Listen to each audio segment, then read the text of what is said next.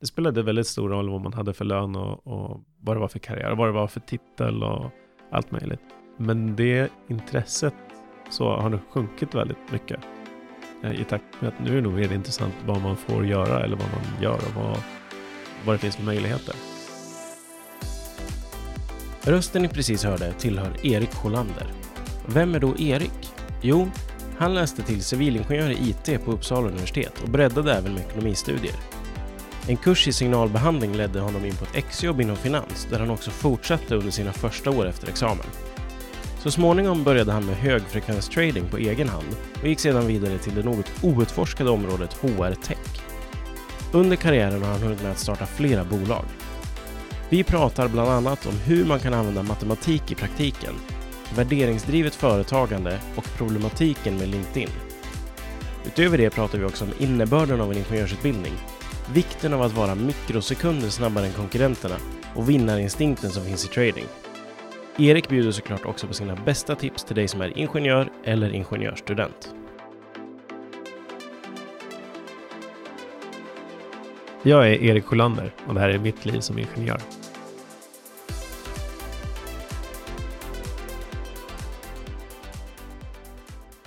Välkommen Erik. Tack! Skulle inte du kunna börja med att berätta om dig själv i dina egna ord så att det blir rätt? Eh, Okej.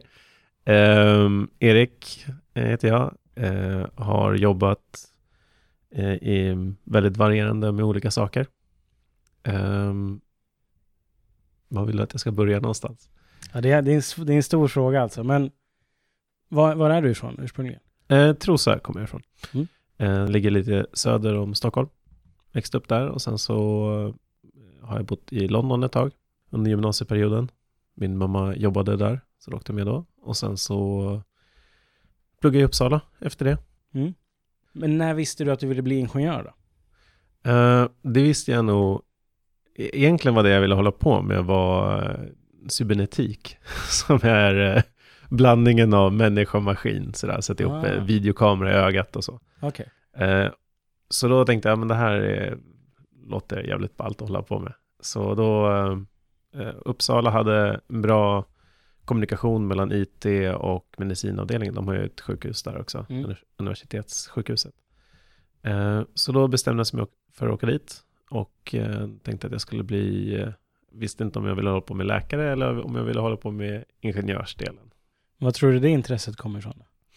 Eh, utan tvekan, från när man var rollspels... Eh, vi, sådär 13-15 år sedan spelade vi mycket rollspel. Tyckte jag var sånt var spännande att titta på. Mm. Men om vi dyker in lite där i, i din studietid Mm. eh, på Uppsala universitet. Vad är det du har läst mer här, exakt? Eh, jag läste civilingenjör, IT var det jag började på.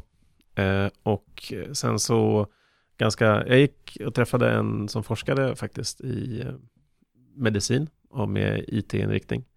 Och eh, jag tror att de tittade på ögonen i så här hästskokrabbor eller vad de heter. Mhm. Eh, och eh, den här personen hade någon tes och någon teori och skrev, doktorerat kring det här och eh, eh, med en väldigt nedslagen blick så berättade han att det stämde inte alls hans tes, utan den var fel.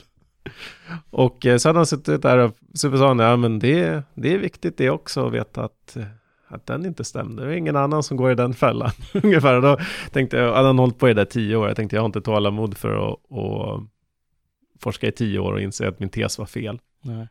Men, eh, och, men när jag pluggade IT så eh, tyckte jag helt plötsligt att det var lite roligt att eh, det var väldigt, det är ju Pollaxbacken ligger liksom lite skilt från resten av Uppsala, universitet. Mm. Så jag tänkte det är ganska trevligt att vara inne i stan och träffa lite andra personer, inte bara eh, civilingenjör. Så då började jag plugga ekonomi också. Och då hade de en eh, program, eller ska säga, en påbyggnad på civilingenjör. Som gjorde att man kunde läsa till ekonom också eh, samtidigt ganska mycket kurser som man kunde ta statistik och en hel del matematikkurser och sånt. Mm. Och IT-programmet är väldigt matematikinriktat, i alla fall den, det som jag valde att läsa. Så då var det mycket som kunde tillgodoräknas på båda hållen och sådär, så då läste jag till ekonom också. Mm. Hur var du som student då? Ägnade du all din tid åt att plugga eller gjorde du annat också?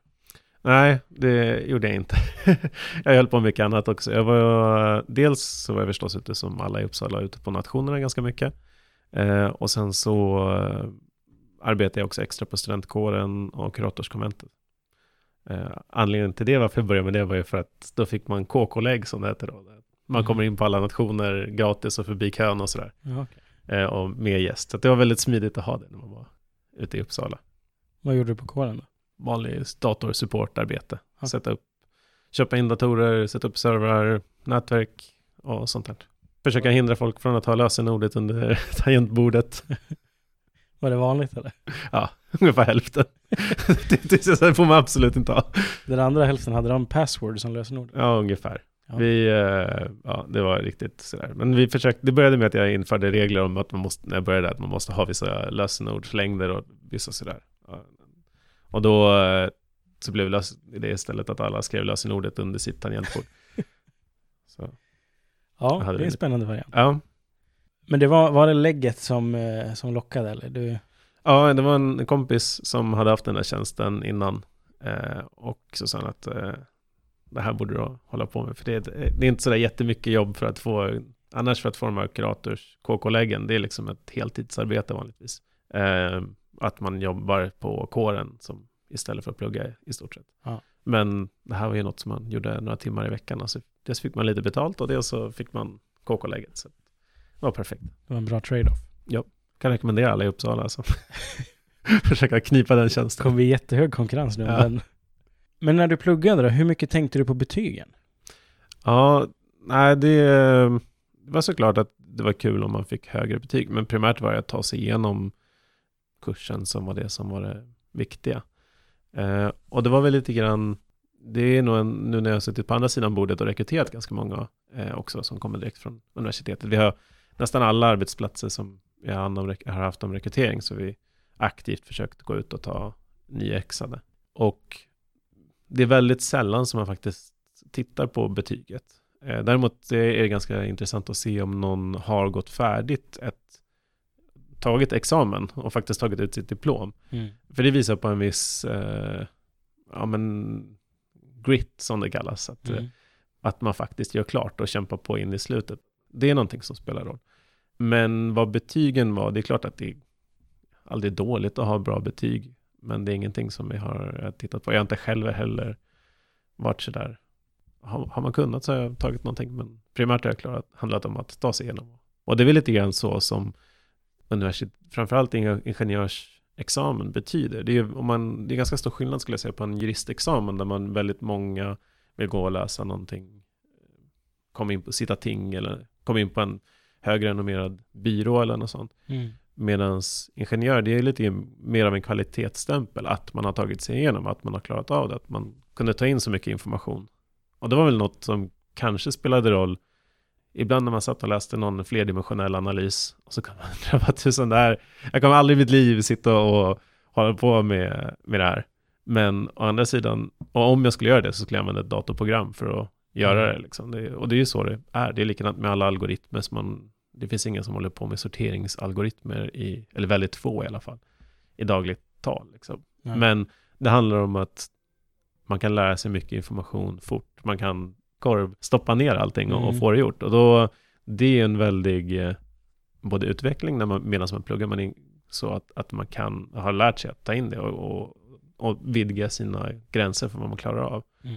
Eh, och det är lite grann det det betyder att ta en examen som civilingenjör. Mm. Ja, jag har hört flera gånger att folk har sagt det här med att när man pluggar till ingenjör, då lär man sig att lära sig. Ja, men det, så. det är väldigt bra. Och jag har, eh, jag vet att jag var på väg att åka utomlands och börja jobba för en investmentbank. Eh, och då var nog första gången som de faktiskt frågade mig om mina betyg. Eh, att jag skulle skicka in det, annars har jag aldrig ens fått frågan. Hur såg du på karriär när du var student? Var det någonting som du aktivt utforskade eller visste du vart du ville eller hur, hur såg det ut? Nej, men eh, mitt första jobb eh, sökte mig definitivt till eh, för att jag vill, verkligen ville dit. Och mm, jag hade läst, en av de senare kurserna var signalbehandling. Eh, och där hade vi två stycken, jag vet inte om jag kommer ihåg om de var lärare eller om det var assistenter, men de var eh, doktorander som hade ett företag som hette Dirac, också ett spännande företag. Eh, men de var väldigt inspirerande om signalbehandling och väldigt eh, så, och helt plötsligt så insåg man att all den här matematiken och Fourier transformering och sånt som man höll på med gick att göra riktigt balla grejer med. Och då fick jag idén av att man borde ju kunna se aktiekurser som en signal och man borde kunna Fourier transformera det här till och se om man kan hitta mönster. Eh, och då, eh, det var min idé, så då tänkte jag, ja men det här, vad kan man prova att göra sånt? Så jag ville göra ett examensjobb och göra en eh, algoritm då som provar att göra det här på börsdata.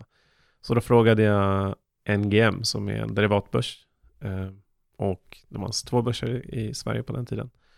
Eh, och det var OMX och NGM då. Och då frågade jag om jag fick göra det här exjobbet där. Eh, och då sa de ja. Eh, sen, ja, det ändrades lite med tiden med vad exjobbet skulle innebära. Men det blev en, en klient, en testklient. Från början var jag tänkt att en tradingbot var min idé, men det blev en uh, testklient för systemet. Och det var sen, senare den verifierade hela deras testsystem. Mm. Men då blev det, när jag gjorde mitt exjobb där, så blev det sen att jag började jobba där också. De stod precis inför uh, problem med att deras system inte klarade av, de hade för mycket orderläggning helt enkelt. Jag tror de hade en begränsning på runt 2000 ordrar per sekund i det system. Och då hamnade jag precis in när det där skulle börja. Så det var jätteroligt. Då var det jag och två andra utvecklare som fick hela uppdraget att göra det här. Hur upplevde du att ha den tjänsten som du hade då? Ja, men det var fanta vi, fantastiskt ur två delar. Dels var det att eh, jag hade en väldigt bra kollega och mentor, eh, Mikael Brännström, som väldigt duktig programmerare och väldigt ordningsam och väldigt så. Så att han, eh, det var roligt att ha honom som eh, handledare och så var det väldigt mycket eh, frihet under ansvar eh, och fick väldigt eh, göra väldigt mycket spännande saker. Eh, väldigt många som börjar kanske hamnar i en väldigt junior roll med att börja integrera två system eller göra features i ett system eller några smådelar. Medan här fick vi vara med i varenda del i, i helhetsgreppen och arkitekturen över hela systemet. Och ansvar för upphandlingar av system och handledande av eh, konsulter som vi tog in och sådär. Så mm. det var ju väldigt mycket ansvar på en gång och det var väldigt roligt. Men när ni hade lanserat den här nya plattformen då, var det, var det klart då liksom? Eller? Ja, alltså ja, det är klart att, de, att det har vidare, förvaltats vidare. Men jag tycker det är väldigt roligt att just och det insåg jag ju väldigt tidigt då. Det är roligt att bygga sakerna när man bygger dem från början och vara med och rita och göra de stora penseldragen. Så för mig kändes det nog rätt färdigt när vi hade lanserat produkten och den, den var klar. Eh, då valde jag att gå vidare sen till eh, ett annat bolag som håller på med valutahandel och byggt valutasystem till eh, Swedbank och Handelsbanken. Mm. Men berätta lite mer om det då. Ja, eh, ja men det är en, också ett litet bolag när jag tror att vi var sex eller sju eh, personer när jag började där. Och de har väl växt till 35 eller något sånt nu. På 4-5 år, så det var också en väldig resa från ganska litet. Eh, och de gör eh, system för valutahandel egentligen. Om du på något sätt handlar valuta, allt ifrån att du sätter betalar en faktura, faktura i euro eller dollar tills att du är Ericsson och vill växla till dig en halv miljard eh, eller säkerställa. Sen är det mycket så att väldigt mycket av den här större mängden av valutahandel är eh, om Ericsson till exempel för att Kinas regering ska bygga ut 5G-nätverket och då får de en order som är värd jättemycket pengar. Mm. Då kan kan det vara så att de får betalt i US-dollar eller kinesiska yen. Eh, och sen så, för att de, alla deras kostnader är svenska kronor i stort sett, så då kanske de säger, ja men vi vill säkerställa det, så de gör en swap då, eller en motsvarande, som säkrar sig i, i valutan, så att de får betalt som det är idag. Så att det inte blir att det skiljer 20% i kursen om när de väl levererar och fått betalt och så var det mycket mindre eller mycket mer. De, de vill inte spekulera i, i kursen. Liksom. Men vad var din roll på det stället då? Uh, så där eh, började jag med integration till eh, andra system, väldigt klassisk sådär. Och sen så eh, blev det väldigt mycket hand om eh, orderläggning, eftersom jag kom från den sidan, så var det det som blev där att ta hand om när, när de som sätter bevakningar på priser helt enkelt. Det var det jag började och sen så växlade ut till i stort sett hela systemet där också. Men där fanns ju mycket av kärnan skriven och där började jag både Eh, på NGM och på Afelion så blev det att då blev det en, eh, där började vi bygga upp ett team också eh, och där blev vi också delägare sen i Afelion. Och det var, där växte vi väldigt mycket så det var ju mycket att man fick ta hand om nya kunder. Vi tog en av Rysslands största banker och vi tog en jättestor tysk bank och så vidare. Och då var det ju förstås väldigt mycket skriva ner deras krav och se vad som saknades i systemet och se hur man kunde utveckla det och göra mycket sådana analyser och sånt också. Hur länge var du kvar eh, på Afelion? Kan det ha varit tre eller fyra år? Något, någonting sånt. Um, och där var det när eh, jag skulle gå på föräldraledighet. Uh, precis i den vevan så uh, ja, det blir ju att man åker runt och pratar med väldigt mycket trading och väldigt på alla olika banker och eh, ja, men man ser väldigt mycket vad som händer runt om i världen och i Europa och sådär. Så hade jag vissa teorier om att det är den svenska marknaden på derivathandel eh, på NGM då som jag hade det är de som var den primära derivathandelsplattformen då, att det var mycket saker som skedde ineffektivt. Så då tänkte jag att ja, men här vill jag börja, det här tror jag går att göra bättre.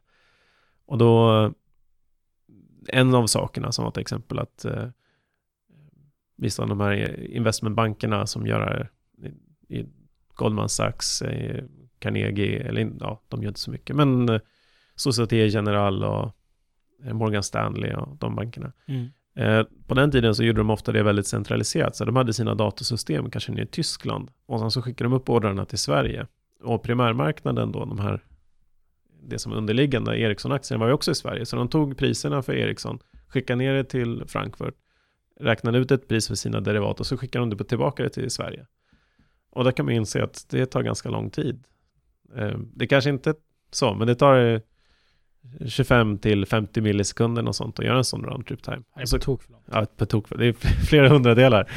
och sen så eh, hade de också system som var ganska dåliga. Ofta så är det ju så att de har väldigt mycket krav på att det ska finnas spårbarhet och det ska sparas i någon databas och det ska vara loggar och det ska vara, du vet, allt sånt där som tar en himla massa tid. Mm. Och som var säkert var snabbt när det skrevs för fem år sedan. Liksom. Eh, så att då var, det var ju, man kunde ju springa varv runt de här om man gjorde någonting väldigt snabbt här i Sverige på den tiden. Mm. Eh, så då började jag räkna på det där och såg att det var ganska mycket som var ineffektivt. Eh, och att det gick att göra, att det gick att snabbare. Så då började då uh, gjorde jag några av de här, uh, provade och så såg jag att det här verkar ju flyga riktigt bra.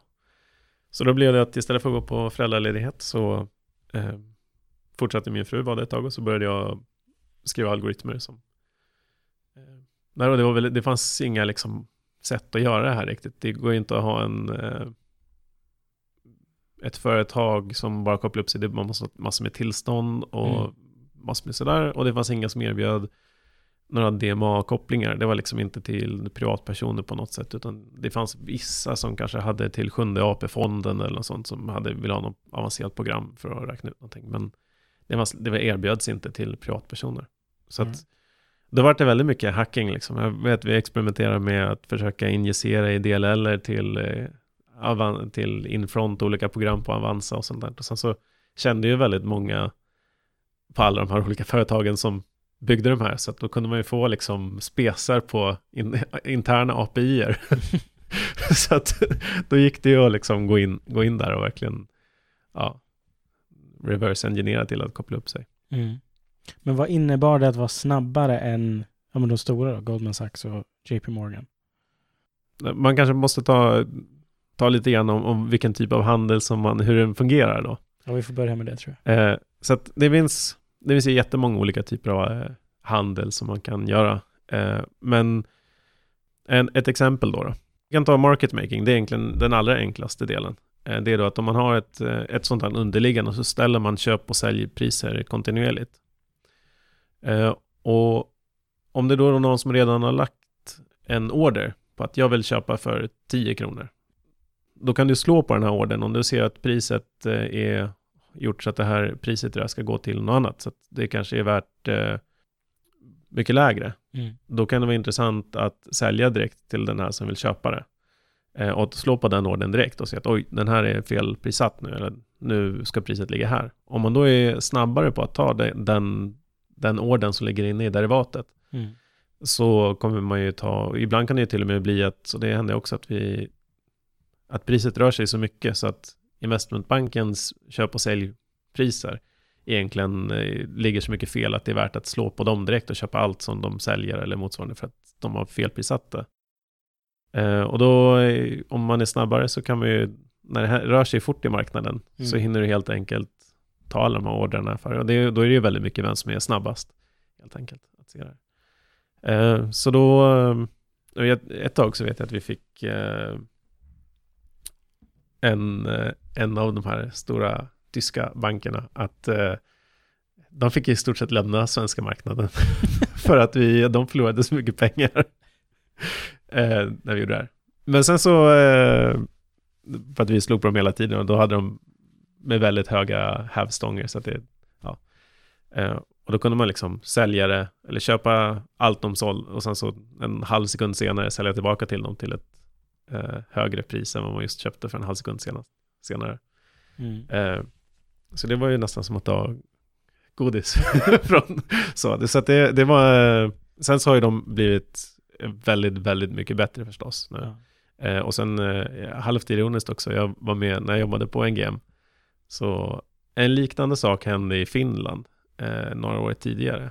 Och då eh, satte vi in ett system eh, som jag var med och designade just för att motverka den här typen av, av handel. Eh, och då var det, det finns ju ekosystemet för den här typen av eh, handel, det är väl egentligen eh, de som market maker, investmentbanker och sen så finns det eh, institutionella handlare. Och då finns det en del, eh, framförallt i USA så finns det då high frequency trading eller al- algo tradingfirmor Mm. som eh, ja, i ett miljardföretag som försöker göra det här. Och, sen, och försöker ta marknad från de här och göra bättre. Och det är ju allt möjligt. Det kan ju vara allt från att de har bättre modeller för att prissätta optioner till att de är snabbare till ja, det finns om ni har om Flashboys har ja, ett klassiskt eh, boken där de har en just sån här några som grävde egna kablar eh, för att de insåg att de kunde om de så, de, de beställde kablar som gick rakare vägen och det finns eh, de som har tagit mikrovågsnätverk och sådana saker som också är snabbare än optikkablar. Eh, för då kan man dra dem ännu rakare, då slipper man gå runt städer och sånt där. Så kan du liksom sätta upp radiomaster rakt över. Det finns, det finns till och med planer på att man skulle ha drönare som flyger över Atlanten och allt. Men det finns så mycket, det, det säger kanske en del också hur mycket pengar det finns. Ja. Och sen den tredje är då alla eh, vanliga handlare som köper och säljer de här. Eh, som in, och de, de märker ju inte om priset flimrar ens. Alltså det, det, de, de, handlar, de handlar på en helt annan tidshorisont, en helt annan investeringsfilosofi. Eh, så man kan väl säga att de andra är lite grann som kasinot. Eh, in- investmentbanken är som kasinot. Eh, de andra är som de här professionella spelarna som räknar kort och sen så är det vanliga spelare. Men hur länge har intresset för liksom börshandel funnits för dig då? Um, nej men det var nog egentligen då när jag började på NGM som det började. Och jag tror att det, ehm, det är nog egentligen inte kanske, många kanske lockas av Wall Street och liksom hela, eh, man har sett de, de filmerna eller vad som helst. Mm. Men det inte, aldrig varit det som har lockat mig, utan det som har lockat mig har ju varit den här tävlingsdelen i det hela. Faktiskt, att eh, du har en, ja men man kan vara liksom en underdog och slå en, någon av de stora handlarna, eller, och man märker direkt att har en, om du har en teori om hur man kan prissätta op- optioner eller hur du kan göra AB-arbitrage eller något annat spännande. Det finns ju jättemycket som man kan göra Mm. om det funkar så får du ju, och testa den idén, så får du ju omedelbart liksom en, din, din kassa säger går den upp eller ner och Mm. du får ett direkt svar. Och det finns liksom, det är som en boxningsarena eh, på sätt och vis, där det gäller att, att vinna. Men det finns mycket spännande man kan prata om kring det där. Jag tänker att vi kommer nog fortsätta prata om det också, men du har gjort en avstickare ändå, som kanske inte... Jag har gjort ganska många avstickare. Ja, må många avstickare då. Men jag tänker på den eh, inom HR-tech, eller vad man skulle kunna säga. Mm. Precis, så att eh, det var egentligen i eh, 2015, 2016 var då som jag tradade för egen del som väldigt mycket. Och där startade jag också ett eh, café, det kan vi ta vid ett senare tillfälle. Eh, eh, och sen så hade, under den här tiden så hade det ganska mycket hårdnat tradingklimatet. Så att dels var det ganska många andra som var inne och tävlade om det, vilket gör att den andra delen i mycket av det är marginalen. Att kan du ta mindre marginaler så kan du också vara aggressivare och snabbare då. Eh, men när det är många som tävlar om marginalen så blir det att marginalerna försvinner mm. till stor del. Så att, och sen så hade de här produkterna som handlades i intresset hade gått ner kraftigt. Eh, investmentbankerna hade de här mekanismerna som jag hade infört tidigare. Tidigare så använde de inte, de såg ingen anledning, de trodde att de var snabbast. Men då, då började man använda dem. Och då var det att egentligen så, det gick ut på att de, ja, alla deras priser var indikativa. Så de har alltid de har alltid rätt att svara ja eller nej på efter en trade. De kan avvisa en trade och då är det svårt att slå dem. Men det var helt okej, okay. men sen så började Morgan Stanley, eh, som också, de gjorde ett samarbete med Avanza och tog väldigt mycket av jag märker att vi hamnar i trading här igen, men jag försöker fatta mig kort. Eh, de hade helt enkelt eh, tagit väldigt mycket av marknaden. Och sen så, det de, den här tanken var att de skulle ha en viss tid på sig att svara på eh, on, för att inte bli arbitragehandlade då, på, på latensen eller på hastigheten. Eh, men de, ut, då hade de 600 millisekunder på sig att svara och alla andra de använder det här då för att så fort som möjligt eh, avslå eller ta emot ett, ett avslut. Medan de istället höll i 599 millisekunder. Eh, höll alltid så länge. För de hade, bra, hade vid den tiden gjort bra system också, så de mm. kunde liksom kontrollera på millisekundnivå. Och då eh, så svarade de alltid, och då kunde de också lägga priser som inte stämde och, och börja manipulera marknaden på ett sätt. Så att det blev väldigt svårt att, att det gick inte att tävla med dem helt enkelt. Och jag skulle säga att det också är olagligt det som de faktiskt gör än idag. Eh, eftersom det är en front, typ av frontrunning. De lägger ut ordrar och sen så tar de det inte för att det är bara ordrar för att locka egentligen. De håller, ser ut att vara tajtare marginaler än vad det egentligen är. Eh, och det gick inte att tävla med det helt enkelt. Eh, så ja, det, det, gick runt, men det var inte mycket. Det blev liksom inte för Det är alltid tråkigt när någonting har varit fantastiskt och sen så blir det inte så roligt. Och då så pratade jag med en eh, vän från Uppsala som eh, precis var, var intresserad av att starta upp ett bolag för HR-tech. Och så satt vi och pratade om det där och så, eh, det där lät eh, fantastiskt eh, tyckte jag och tyckte att varför funkar det så dåligt som det gör med HR? Det är en sån oexploaterad marknad. Och då tänkte jag, men det här borde vi göra. Och då var det egentligen, det är en ganska enkel idé som det är, det är att ta jobb och talanger eh, och anonymisera dem så man inte har sin publika profil. Eh, och sen så använder man AI för att matcha istället. Istället för att det ska vara rekryterare som går och tittar på massor med söker i en databas av talanger eller talanger som går och söker i en databas av eh, jobb så tar man att man använder AI för att matcha de här. Mm. Då kan man istället göra så att man kan lägga in massor med information om, som både som talang och som jobb som man kanske inte vill lägga in publikt. Eh, utan eh, vissa kanske inte vill signalera att de det är väl det klassiska när man jobbar och så ser man kollegan att eh, ja, du uppdaterar din LinkedIn-profil med massor med information. Ja, börjar bli sugen på att sticka eller? ja, men lite sådär. Och, äh, ja. Sen man kanske inte alltid, eh, det kanske är att man vill gå ner till 80% eh, och jobba. Eller, mm. och, och sånt, tragiskt nog så kan ju sånt se, var, ses som att ja, det är någon som är arbetsskygg eller något. Men det kanske inte alls har med det att göra. Det kanske har att göra med att man vill ha en annan typ av balans mellan liv och, och, och jobb. Mm. Eh, eller något annat. Man kanske vill sitta och trada på fritiden. Ja, men vad som helst. Alltså det, behöver, det kan fortfarande vara fantastiska medarbetare, ja. även om man har eh, så. Så att där, och där kan man lägga in information som man verkligen vill och vad man söker efter. Och då kan man eh, enkelt matcha upp det här då. Mm. anonymt. All right. Så det är liksom första steget i en rekrytering kanske? Mm. Så liksom få- sourcing är det som det ersätter. Eh, och det, är det här klassiska som rekryteringsbolag ofta gör. De tar att vi ska ta upp fem kandidater som är intresserade av, bolag, eh, av det här jobbet och som är lämpliga. Och sen så lämnar de över det till bolaget för att eh, göra intervjuer och sånt där. Mm. Så det är det som skulle automatiseras då. Eh, och det finns, eh, det finns en del som har försökt hålla på med det här. Men det är inte jättemånga och det är ingen som har gjort det särskilt bra. Och väldigt många av de som är stora, om man tänker på LinkedIn och sånt, de är egentligen, jag tror att deras ursprungliga, då förstår man ganska väl var LinkedIn kommer ifrån. De, jag tror att deras ursprungliga idé var att ersätta Rolodexen, alltså Mm. man hade alla visitkort i ficka och så kunde man liksom bläddra upp, så här, vem var det, så, alla kontakter. Ja. Och det, jag menar, det är LinkedIn fantastiskt för idag. Ja. Men det är egentligen ganska värdelöst för att hitta jobb och nätverka igenom och sådär. Vilket har blivit på något sätt någon slags social plattform.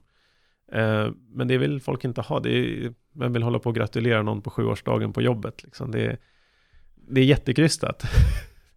Antingen så har man för att kunna se, känner jag någon i den här grejen för att jag behöver kontakt med någon där. Mm. Det ena, och det är LinkedIn fantastiskt för.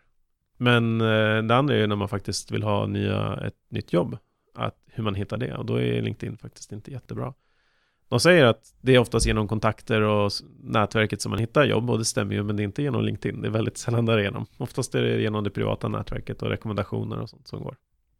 Det går ju emot en del som jag har hört om att LinkedIn är så bra. Ja.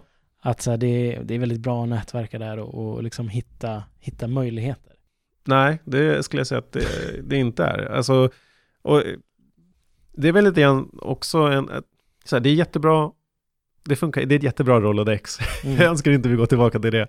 Men det är ganska dåligt, och att hitta någon så kan vara intressant. Men jag tror inte det är kanske där du hittar ditt jobb. Det är nog mer snarare att komma ihåg vem man pratar, alltså att ha sitt kontaktnät, professionella Mm. att ha det uppdaterat och kunna Ja men jag känner någon faktiskt som håller på med det här här Och så kan man, ja men tjena, kommer du ihåg? Ja just det eh, Och någonting som man också ser Det är också en intressant När du har jobbat ett tag som I någon väldigt, de flesta ingenjörsyrken är ju ganska attraktiva och det, är- det är ett talangunderskott Så om du har attraktiv och du har en, en liksom, någorlunda intressant track record och sådär Helt plötsligt så börjar bara LinkedIn bli från början så önskar man att man vill bli headhuntad och jagad och sådär. Det är liksom första gången det är ego-boost som bara den. Och sen efter ett tag så tar det bort, jag har tagit bort saker som Java eller programmering eller sådana saker för att, i min profil överhuvudtaget. För att om jag har med det, då kommer jag få standardmail där det står Hej, vi söker någon som ska sitta och integrera två system på Länsförsäkringar. Och det säger, ja men du har inte ens tittat på min profil liksom. Och, men för de massmailar ut till 100 personer och de massbombar ut för att de försöker bara få ut så mycket, så mycket napp som möjligt. Mm. Eh, och sen om du skriver in att du är CTO eller CEO i din roll istället så kommer du få ungefär fem mail om dagen eller i alla fall i veckan som är säger ja vi har sju stycken eh, kandidater eller vi, vårt, eh, vi är grymma på outsourcing och så vidare och så blir du tycker att det också bara är irriterande för att det är ungefär samma standard template boilerplate grej som går ut Mm. från allihopa. Och då har du ju, då är det ju inte att du får av dina närmsta kontakter och de som du ändå har där som du verkligen litar på. De, pratar, Nej. de har ju oftast en annan social interaktion. Du kanske mejlar med dem ibland eller pratar i telefon eller har något annat möte, träffar dem då och då. De, om de rekommenderar någon eller om du frågar dem, då är det ju en helt annan grej. Men det kommer inte ske genom LinkedIn vanligtvis. Ja, det är, det är en bra poäng. Jag köper det. Ja. Men hur har det gått med det då? Matching ID? Eh, ja, det, ehm, det, det... Jag eh, sålde ut mig i det bolaget. Eh, vi hamnade i lite olika, ja, men vi, olika värderingar. Mm. Eh, så att eh, det är väl också, jag har, nu har jag ändå gjort fyra eller fem startups eh, vid det här laget. Eh, några lyckade, några mindre lyckade. Och varje gång så lär man sig några saker kring så här, en av de viktigaste aspekterna skulle jag säga när man gör det är att verkligen hitta det var, jag var med i, eh, det finns någonting som heter Y Combinator Mm. eh, i USA. Och när man, när man, bara deras ansökningsprocess är väldigt, väldigt spännande att eh, vad de ställer för frågor. Och där frågar de, har ni gjort, och de frågar om teamet mycket. Då frågar de saker, har ni gjort ett projekt tillsammans? Hur länge har ni känt varandra? Hur mycket, eh, och, och väldigt mycket frågor kring där och, och fördelningar och sådana saker. Och eh, om man har samsyn på många saker. Och det är en, det jag tror det är att även om man inte ska gå med i Y Combinator eller något så tror jag att det är en bra checklista för sig själv. Mm. Uh, jag vet att, uh, ja men ett, när jag stod, ett av min egentligen första startup. Och vi satt på kvällar och helger och knackade kod och höll på. Uh, och väldigt trevligt. Allihopa kände varandra väldigt väl sen innan. Och sen så, ja men det, vi började närma oss och få någonting som faktiskt funkade och var ganska vettigt så vi pratade med ett, eh, och det här var innan jag själv höll på med, med egen trading. Eh, och då pratade vi med ett eh, amerikanskt bolag som höll på med högfrekvenshandel. Som var, ja men sådär, vi, vi är intresserade, vi köper det här om vi, vi lyckas ni prestera och göra det ni säger så köper vi det. Det kan vi signa upp på. Och då var det så, ah shit, nu, nu så här, ska vi köra? Och då var det så här, ja men vi får inte betalt förrän liksom om ett halvår. Mm. Eh, högt tidigast. Om vi liksom, optimistiska tidsplaner var ett halvår. Mm. Och uh, så var det så här, ja ah, men shit, jag har ju en jäkligt bra karriär på Ericsson, jag har blivit uh, plockad till en så här chefsdelen uh, där och någon annan hade just köpt villa och hade fått barn och du vet, allt sånt där. Och då var det så här, men två av tre av chipdesignerna kunde inte, kunde inte hoppa på tåget för att deras livssituation var, de var inte beredda att göra. Och då var det också så här, även om vi hade väldigt trevligt så hade det varit bra att kolla innan att alla faktiskt, för det kommer ju alltid till en punkt där man måste släppa sin, det kostar en del att göra en startup. Man måste mm. släppa sin säkerhet, man ja. måste leva utan lön och man måste kast, stänga andra dörrar helt enkelt. Och att kolla att folk faktiskt är intresserade av det. Man kommer aldrig komma, eller väldigt få kommer komma till det. Man går från där och så har man en startup och så tjänar man pengar från dag ett. Liksom. Mm. Oftast är det en, en, tuff period i början innan det blir någonting. Ofta kan det ju fallera och inte bli någonting överhuvudtaget. Ja. Eh, men det hade vi liksom inte koll. Vi hade aldrig riktigt diskuterat vad skulle hända om, vi om det blir någonting då. Om vi, om, och där fallerade det. Eh, så att där tror jag är väldigt viktigt att man vet när man kör med några att säga, men kan vi, kan, kan, inte bara vill man, kan man satsa på det? Och är man beredd att stänga de dörrar som det också innebär till viss del att, mm. att satsa på det?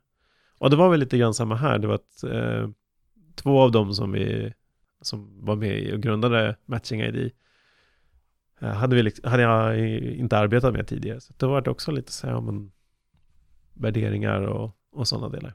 Mm. Men när jag tittar på din karriär så som du har haft så har det varit väldigt mycket småbolag. Det är startups och det är småbolag.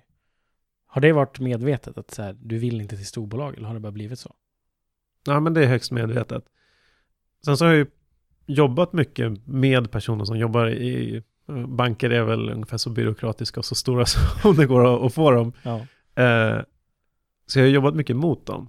Och då ser man ju all politik och allt imperiebyggande och allt skräp som finns. Det finns jättemånga med jättebra ambitioner och sen så aha, skjuts det ner bara för att någon annan ska hävda sin rätt på något sätt. Alltså det är så mycket sånt bara. Mm. Eh, och ibland och sen i vissa grupper funkar det jättebra, men då är det ju oftast att de har fått en liksom, lite statusroll eller lite sådär, de får, får lite carte blanche till att göra vad de vill. Mm. Eh, men annars är det ju ofta att de köper in tjänster från mindre bolag just för att de ska kunna göra det de själva vill. Att de inte kan utveckla, det är för mycket politik och hur många fingrar i soppan, utan det är bättre att ta in någon annan som får göra det åt en. Det är ju väldigt vanligt. Så att, eh, ja, det är väl ett, ett väldigt medvetet, jag trivs nog väldigt bra i bolag som är under en upp tidig tillväxtfas. Men om vi ska snacka konceptet karriär, mm. vad betyder det för dig? Men det har ju varierat väldigt mycket. Från när man började till idag. Jag hade nog inte reflekterat det först ganska nyligen när eh, jag försökte anställa en kompis till ett, eller kompis, men en eh, kompis kompis som var ganska nyexad och så sådär. Och då vid det laget hade jag gått från att, ja men till att va, ha eh, mer stabil ekonomi och drivas av att göra projekt. Och då inser man att när man är nyexad så är man väldigt intresserad av vilken lön man har och väldigt mycket, till och med saker som ITP och sådana saker. Och det var nog jag också intresserad av i början. Det spelade väldigt stor roll vad man hade för lön och, och vad det var för karriär och vad det var för titel och allt möjligt. Men det intresset, eller det, det så har nog sjunkit väldigt mycket eh, i takt med att nu är det nog mer intressant vad man får göra eller vad man gör och vad, vad det finns för möjligheter. Men så att det har nog skiftat väldigt mycket och jag tror också att man hade en lite naiv bild av hur en karriärsbana ska se ut. För man är väldigt itutad i att en karriärsbana ser ut genom att man eh, gör man bra ifrån. Det är så från när man föds liksom. Skaffa betyg, skaffa det där, skaffa liksom nästa, nästa, nästa steg. Eh, och så tänker du i karriären att ja, men om du gör bra och sen så x antal år senare så blir man befordrad till en mellanchef och sen så blir man en chef och sen så tio år senare så är man vd för företaget. Ja, det är så det funkar. Mm. Men så funkar det inte i praktiken. Liksom. Det är en väldigt naiv bild. Eller det är klart, det finns de som det funkar så för, men för de flesta så är det inte så. Men om du då skulle gå till ett nytt företag eller starta en ny tjänst, vad är det som lockar? Vad letar du efter? Vad är viktigt? Ja, och det har jag väl insett från tidigare att det, det som driver mig är att bygga åstadkomma, att bygga saker, att skapa, skapa någonting. Eh, och gärna något som man inte tror ska vara, alltså så, som ska vara svårt. Och, och det var likadant att det absolut roligaste under tradingtiden, när, när vi höll på med eh, högfrekvenshandeln, det var ju att första gångerna som du slog de här investmentbankerna såg att shit, jag är mycket snabbare, vi, kan, vi, liksom, vi plockar kontinuerligt pengar från dem. Det var det som var det allra, allra roligaste. Och sen så två år senare när alla algoritmer, allting funkade bra, vi hade superbra övervakningssystem och allting och vi tjänade väldigt bra med pengar. Det är klart att det var roligt, men det var inte i tillstymmelsen lika roligt som i den delen när man första gångerna såg att, att det funkade. Liksom. Det var det som var det absolut roligaste. Och det är ju likadant nu, att det är det roligaste som jag tycker, att, att bygga någonting och se att det funkar. Från att ha en idé och teori till att, att se att shit, det här verkar verkligen flyga. Och det är väl därför som jag hela tiden har sökt mig till småbolag eller starta egna bolag ja. och sådana där. Om du skulle få se tillbaka på hela din karriär då? Finns det någonting du hade gjort annorlunda? Alltså det är klart, jag menar, det, är, ja, det finns ju en del. Jag startade till exempel ett café för att hjälpa människor social utanförskap till att komma in i samhället. Eh, och det hade gått väldigt bra med tradingen. Jag hade tjänat in pengar, kände att jag ville ge tillbaka. Jag tänkte, vad, vad kan jag göra? Och då tänkte jag, men jag kan starta ett bolag som gör att man kan få ett arbete som barista och sen gå vidare och sen få ett jobb på ett café och så har man liksom sådär varje sommar att det är nya personer. Och så kan man få det att gå runt av sig självt. Det var eh, jätteintressant. Det tog vansinnigt mycket mer tid än vad jag trodde det skulle göra. Det kostade massor med pengar och det fallerade horribelt. Så det är klart att det kan man ju se som ett väldigt stort misslyckande i att det kostade pengar och tid och man kanske skulle inte, men jag skulle inte vilja ha det ogjort för jag lärde mig väldigt mycket av det och det var inte, det var inga saker som var så pass dyra att det var något, att jag verkligen offrade någonting så att säga. Men så att nej, alltså det, jag, jag tycker att misstag och det man får det är ju lärdomar istället. Så att om man går och har, ångrar massor med saker så tror jag, jag ångrar inte att jag startar Matching ID eller något av de andra bolagen heller. Det är, man lär sig jättemycket av det och ofta så leder det vidare till någonting annat. Kanske inte någonting man ser idag, men som man ser sen. Om det är någonting som, det kanske inte är karriärsmässigt, men det är väl att inte fastna i saker. Att om man ser att någonting inte funkar, var inte rädd för att ändra det då, i sådana fall. Eh, det tror jag är något, ett större, en större fara egentligen. Att man sitter i någonting som man vet inte är bra. Oavsett om det är karriär eller vad som helst. Att faktiskt våga bryta saker. Mm. Jag tänkte att vi skulle prata om konceptet work-life balance en sväng. Mm. Känner du till det? Ja, det är lite grann. Men du får gärna ta din, din version eller hur du menar. Nej, jag tänker nog inte ta någon version. Jag mm. tänker så här att jag tror det vanliga, det är nog att man tänker kanske med rent tidsmässigt. Antingen hur många timmar man jobbar eller hur flexibelt det är att jobba. Men min upplevelse är att det handlar ofta om tid. Timmar. Men det kan man ju tolka lite som man vill. Hur tolkar du work-life balance? Ja, men det är väl den klassiska tolkningen. Men det baseras ju också på att du ser ditt jobb som ditt jobb och äh, fritid som ditt liv. För att ha work-life balance. Mm. Och jag har nog aldrig riktigt Ibland så i perioder så har det varit extremt intensivt med jobb och ibland har det varit extremt intensivt med eh, fritid. Jag vet inte om jag kan säga fri, men det har varit långa, lugna, sköna somrar, som nu i somras till exempel. Ja. Eh, men när jag har jobbat så har jag alltid försökt ha ett jobb där jag tycker att det är roligt att jobba. Så, sen kanske andra har haft åsikter om att jag har jobbat för mycket och tidigare.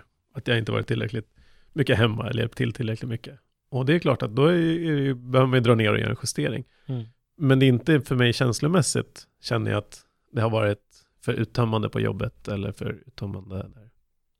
Utan jag drivs nog väldigt mycket av att få göra saker och åstadkomma saker. Ibland så får, är det ju tråkigt på jobbet. att, att det är bara pest och pina och man kommer ingenstans och det är liksom sådär Mm. eh, dumma kunder eller dumma chefer eller vad det nu må vara. För någonting.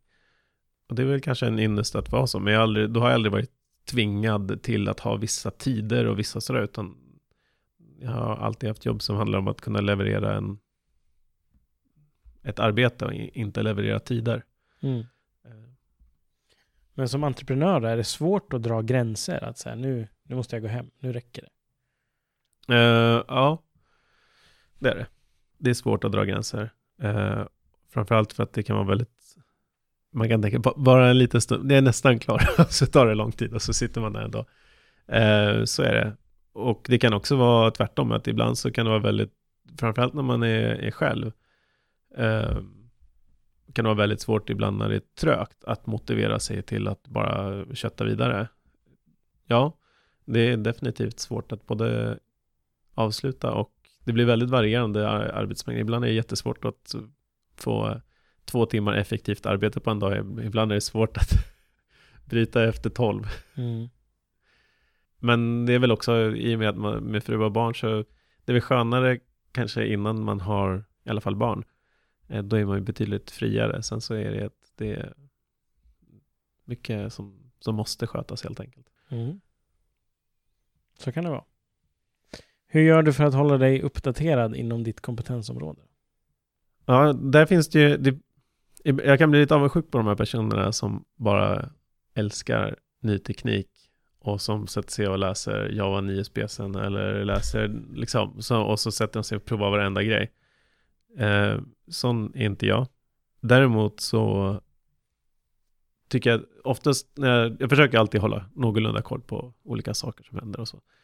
Och det som jag försöker alltid, och det får jag välja, ibland tvingar mig till, ibland är jag intresserad av det, det är att läsa vad, vilket problem det löser. Vad är problemet som det här löser? Och sen kanske inte bry sig så mycket om hur, hur de gör det eller vad de gör. Vad säger de här? De säger att de löser det här problemet. Och sen så att när man kommer inför det problemet, och ibland så även eh, om jag haft tid och möjlighet så har jag tvingat mig till att eh, göra någonting lite till det, åt det problemet, hållet. Eh, och se om det här går att använda då och lära sig då. För att jag har, när det handlar om att jag ska lösa ett problem eller åstadkomma någonting, då har jag plötsligt en motiva väldigt motivation till att lä lära mig någonting. Så jag kanske lurar mig själv lite för att hålla mig, tvinga mig att eh, hålla mig ajour med allting. Så det, jag menar, det är som med AI så, jag menar, det, jag har varit väldigt, jag har haft AI-böcker liggande hemma i, i flera år. Men det är inte förrän det jag kom till det delen att ah, men nu, nu eh, gäller det att faktiskt matcha eh, talang och jobb med AI. Eh, det var då som det blev att jag läste alla de där böckerna och började faktiskt applicera, göra tester och sätta upp modeller och lära, förstå det på djupet på riktigt. Mm. Och det är då det fastnar för mig också. Annars blir det bara att man läser en bok och sen så ett år senare så kommer man inte ihåg någonting av det. För mig funkar det så. Ser du positivt på AI eller ser du det som en risk? det menar som att robotarna kommer att ta över jorden och det blir en Event Horizon. Ja, jag vet inte, men det finns ju väldigt många starka röster. Vissa talar ju väldigt gott om AI. Sen finns det ju de som tycker att vi borde vara väldigt mycket försiktigare än vad vi är. Ja, vi, så här, på den nivån som AI finns idag med machine learning så finns det ingenting att vara orolig för. Det är egentligen bara en... Och sen är också AI, skulle jag säga, väldigt hypat. Alltså det, det, många tror att det ska lösa allting och så sätter man dit AI och lite blockchain-teknologi så liksom kan det lura vilken investerare som helst ungefär. Mm. Eh, men dagens AI machine learning och det finns egentligen ingenting som jag ser en risk med det. Eh, men det är klart att det finns risk. Sen, är, sen finns det systemiska risker som att det kanske blir väldigt lätt att göra övervakning eller men det kanske inte egentligen är AIs problem. Eh, utan det är väl mer av en regleringsfråga och sådana delar. Det är klart att det finns många sådana utmaningar. Mm. Tiden håller på att rinna iväg. Jag tänker att vi ska börja runda av lite grann här. Men innan vi gör det så eh, har jag en fråga till dig om framgångsfaktorer. Ja. Har du identifierat några sådana hos dig själv? Oj. Ja. Eh, men jag tror att det är nyfikenhet. Eh, tror jag är en del. Eh, och jag tror att den andra delen är att vilja göra saker färdigt. Grit som vi började börja prata om. Ja, precis. Det är väl de som jag tror. Mm. Ska vi gå på de avslutande frågorna? Mm. Jag brukar säga att den första är enkel, men alla brukar säga att det finns, det finns så många svar på det här. Men vilket är ditt bästa minne från universitetstiden? Ja, det har egentligen ingenting med, det är definitivt festerna. Jag satt och funderade så väldigt länge innan för så här, men, olika när man tog examen, men det är utan tvekan eh, fester. En väldigt rolig incident när vi kraschade en fest som var väldigt, väldigt rolig. Så studentlivet skulle jag säga. Ja. Och det är väl, jag vet att eh, vi var inne lite grann tidigare på det där med betyg och sådana saker också. Och jag tror, eh, framförallt när man rekryterar och det är ett mindre bolag och man, är, man kommer samarbeta med den som man rekryterar.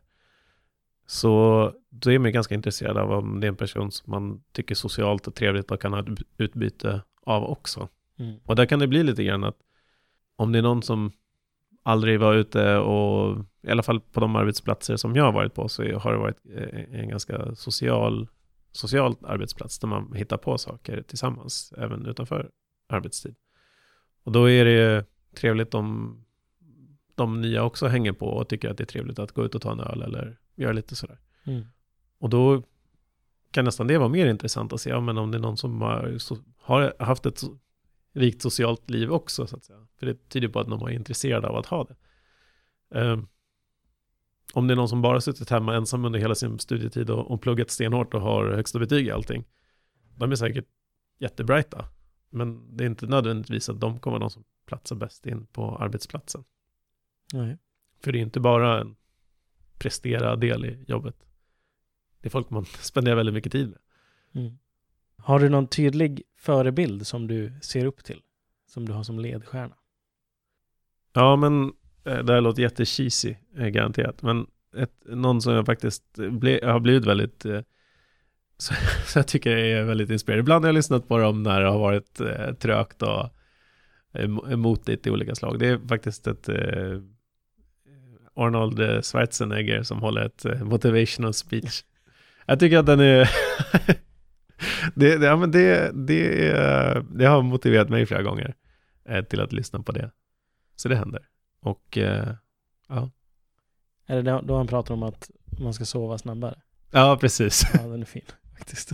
Men eh, det, det, handlar väl mycket om att in, inte lyssna på de som säger nej och att eh, våga bryta mot regler oavsett vilken, ja, mot normer eller mot vad som helst. Att våga göra sin egen del. Mm. Och att jobba hårt för det. Ja. Om pengar inte vore en faktor, vad skulle du ägna dina dagar åt då? Ja, precis det jag gör. Det är ett bra betyg. Ja. Faktiskt. Om du skulle få byta jobb med någon för en dag då bara? Vem skulle det vara och varför? Ja, det är definitivt någonting som jag alltid blir lite sådär halv avundsjuk på. Eftersom när man jobbar som ingenjör så är det oftast ganska man jobbar länge med någonting och sen blir det klart och sen det blir liksom inte, ja. Eh, ibland om man går på en konsert eller opera eller något sånt, de här som liksom gör någonting väldigt kort och kon det är klart att det är massor med träning bakom. Mm. Men de upp, gör någonting väldigt, visar upp det och sen så får de mängder stående applåder och liksom. Det, det, var, det skulle vara ballt att ha den, prova den grejen för en dag. Uh, så rockstjärna. rockstjärna, ja. Det skulle vara kul. Jag skulle inte vilja ha det jämt, men för en dag när de har sin eh, föreställning, det skulle vara häftigt. Har du någon, någon dröm eller något mål längre fram i tiden som du hoppas uppnå? Ja, men det är nog egentligen så är det inte nog kanske en, en dröm att, som jag vill uppfylla som ett visst mål, men att, att man håller sig, eh, fortsätter gör, vara nyfiken, hela, att man inte tappar det någon gång. Det skulle vara väldigt trist om man, om man lägger sig ner och känner att eh, ah, nu är jag klar. Liksom. Det, och, och tappar det, det, det är nog snarare kanske en drivs av att inte komma dit än att nå till ett visst mål. Jag tror att det är farligt att ha ett visst mål. Eh, att det kan vara efter, efter det så tappar man saker. Jag vet att jag hade ett sånt där mål eh, som var liksom, haft, hade länge. Jag, jag hade PT och så liksom, jag skulle bänka 100, det var sådär, shit, det vill jag göra. Jag vill kunna bänka 100 kilo. Och sen så gjorde jag det efter mycket, mycket slit. Och sen slutade jag träna på ett år. det var liksom, pop, jag är klar. Och det var, då, liksom, då tappade man allt, det var då, allt det där slitet med, det var ju, ja, sen såg man ut precis som i början, var, mm. när, när jag inte gått dit och började äta massor med bullar och grejer istället. Uh, så det är väl det. Att, aldrig ha, ha det där, jag tror det är jättefarligt att ha mål. Där inte resan är ett mål. Om det är någon som lyssnar nu då som är som är väldigt intresserad av det du har hållit på med. Vad har du för tips då? Ja, skicka ett mejl. Börja jobba. Alltid intresserad av folk som vill eh, göra så. Men eh, ja, konkreta, och det är väl att jag tror att om man, om man söker sig till en arbetsplats eller tar någonting, om man vet vad man vill göra, de flesta vet ju faktiskt inte vad de vill göra, men om man nu vet att man säger shit jag vill hålla på med trading eller jag vill hålla på med något sånt. Sök till något av de mindre bolagen. Eh, och inte gå till en jättestor bank Utan sök, försök hitta ett bolag som gör någonting där man kan, där det finns väldigt duktiga personer som kan, man kan växa i företaget och få mycket, få mycket guidning men även få prova på mycket. Eh, jag tror att då har man som störst möjlighet att att utveckla sig. Jag tror att för min del så halkade jag nog in lite grann på ett bananskal in där, på mitt första jobb. Eh, men jag tror att det har varit en väldigt viktig del i min karriär. Att ha just det, att jag, att, att jag fick så mycket ansvar på en gång och att jag hamnade med duktiga personer från en gång. Eh, så att man inte råkar hamna där. Det kan vara lockande att kanske ta ett konsultjobb och så tjänar man bra med pengar redan från start. Men då sitter du och hoppar runt mellan olika arbetsplatser och får göra det som vanligtvis brukar vara så att man får göra det som de företagen inte själva vill göra. Hitta integrerat två system eller hitta massor med buggar eller göra någon ny feature. Och man kanske inte utvecklas sådär jättemycket. Man lär sig lite nya olika ramverk och lite nya olika tekniker och lite mer olika sånt. Men jag tror att när man själv får ansvar och en förväntan av att lösa stora problem, då utvecklas man väldigt fort själv. Mm. Och om den som lyssnar bara tar med sig en lärdom från det här samtalet, vad vill du att det ska vara? Våga köra. Inte vara rädd för att misslyckas. För att om man inte försöker, det, kan göra sjukt ont att misslyckas. Framförallt kanske i början när man inte har en ekonomisk stabilitet att stå på och har lite annat bakom sig. Så det, det kan nog vara, kosta väldigt mycket. Men om man inte provar att ställa sig i arenan och slåss så kommer du inte heller vara den som vinner. Och om man drivs av att göra det så, och vill vara det så måste man våga satsa. Så inte vara för rädd. Det var allt för den här veckan. Vem vill du höra i podden framöver? Kanske finns det en person vars karriär inspirerar dig och som du gärna vill höra mer om. I beskrivningen finns en länk till ett formulär där du kan önska gäster. Det är helt anonymt och tar bara några sekunder. Om du uppskattar innehållet i podcasten får du också väldigt gärna betygsätta den på iTunes eller där du lyssnar på poddar.